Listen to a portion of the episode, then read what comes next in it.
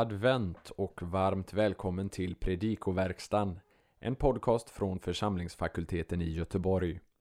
Daniel Johansson går igenom kommande söndags evangelietext till hjälp för dig som förbereder en predikan inför söndagen eller för dig som är allmänt intresserad av att veta mer om evangelietexten.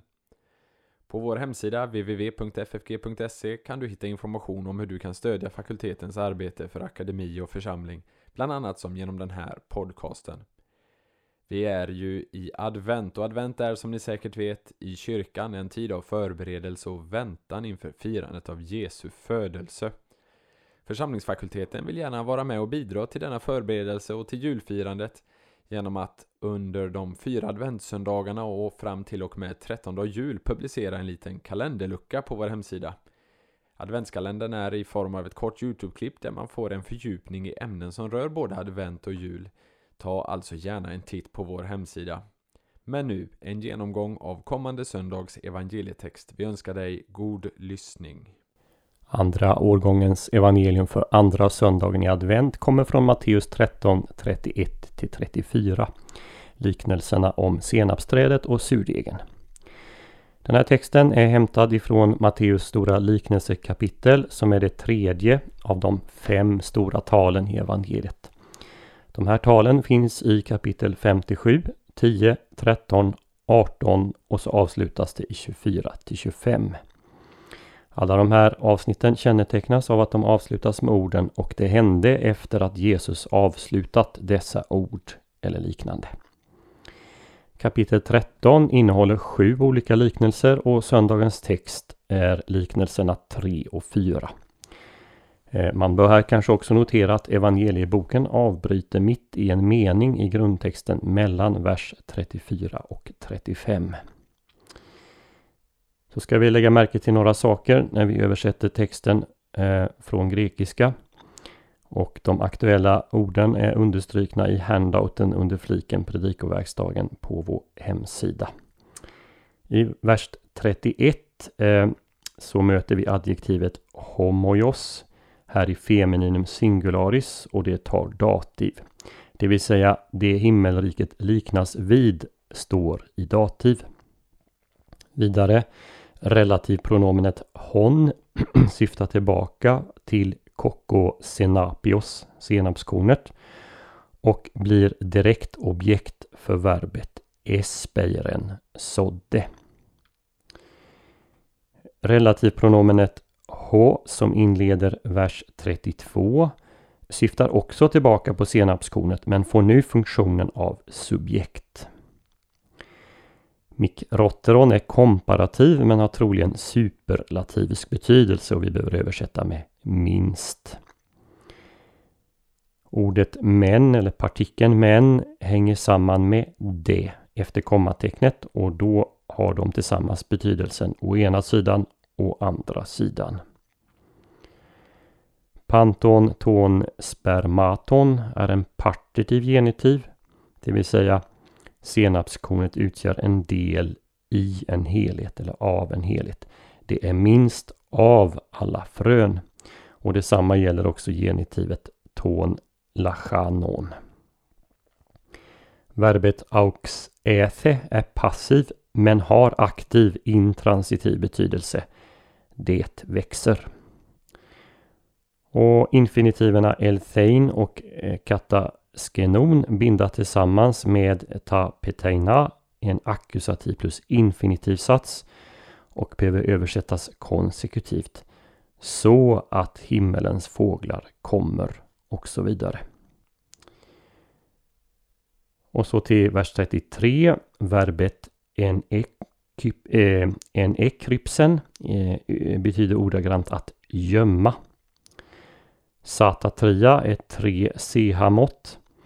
Ett mått motsvarade cirka 13 liter vilket betyder att 3 CH-mått skulle ha varit någonstans 39-40 liter. Vilket ju är en extremt stor mängd. Heos följt av ho betyder tills. Och hollon som står i nominativ singularis neutrum syftar tillbaka till eh, to alevron, vetemjölet. Vi går vidare till textens sammanhang De fyra första liknelserna i kapitel 13 hänger ihop. De är alla talade till folket enligt vers 34. Liknelserna 2, 3 och 4 börjar alla med orden en annan liknelse. Var på Matteus vid nummer 2 och 3 säger att Jesus framställde en liknelse, paretheken. Medan han i inledningen till liknelse 4 säger att Jesus talade en liknelse, elalesen. Eh, notera att denna poäng missas i både Bibel 2000 och Folkbibeln. Bytet av verb från paretheken till elalesen markerar sannolikt ett slut.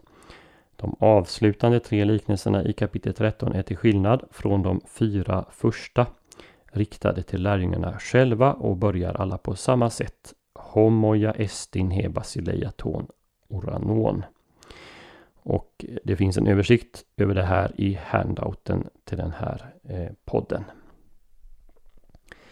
De fyra första liknelserna i kapitel 13 har det gemensamt att de alla behandlar temat varför himmelriket ännu inte kommit i kraft. Guds ord förkunnas men bär inte sådan frukt man kunde förvänta.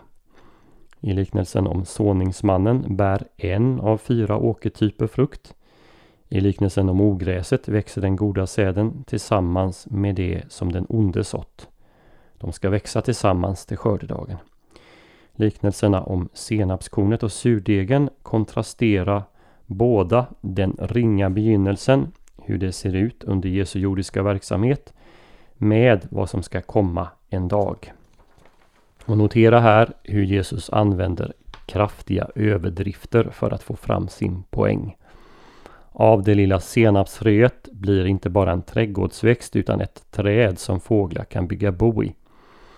Det senare är sannolikt en helt medveten överdrift för senapsträd blir normalt inte så stora så att fåglar kan bygga bo i dem. Men det är just det som är Jesu poäng. Det som idag är litet och föraktfullt, som ett senapskorn, ska en dag överträffa alla förväntningar. Och den lilla surdegen som kvinnan gömmer, och notera här ordet gömmer, den syns inte. Ehm, I den extremt stora mängden mjöl, 40 liter, kommer en dag att ha blivit genomsyrad och jäst till en enorm deg.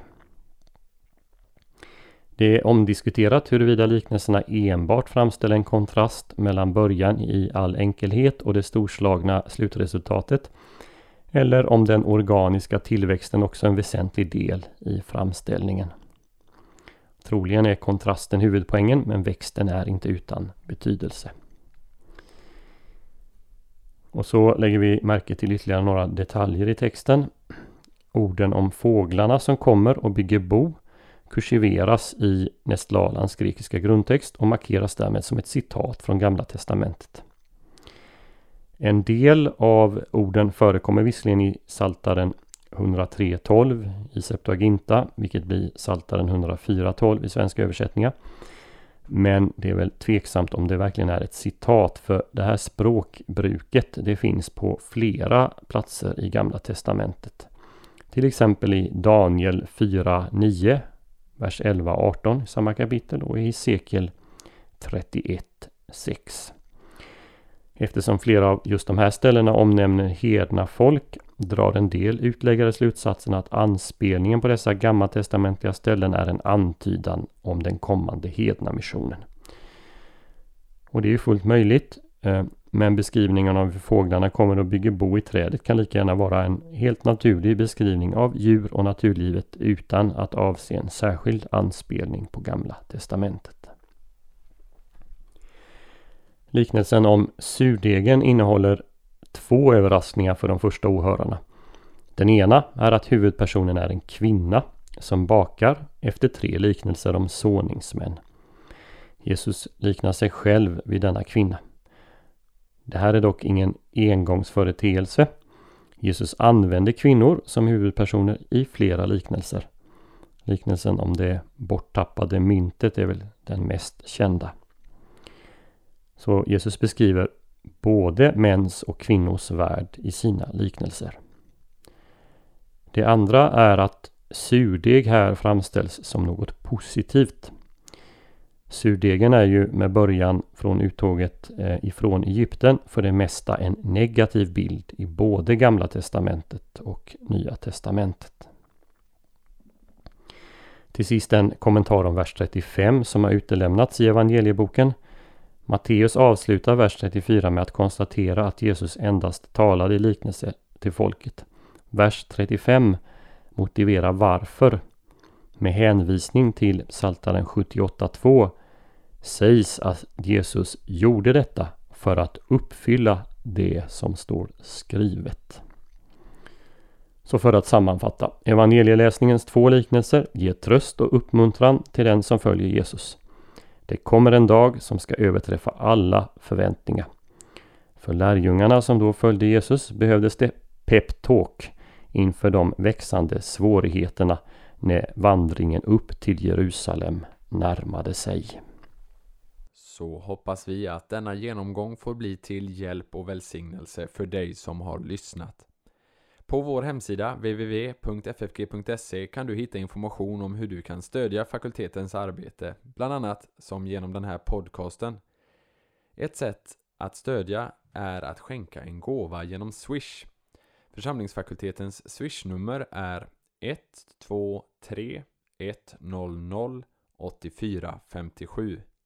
Alltså 123 100 8457. Mottagaren som anges är Peter Isak Bens utbildningsstiftelse.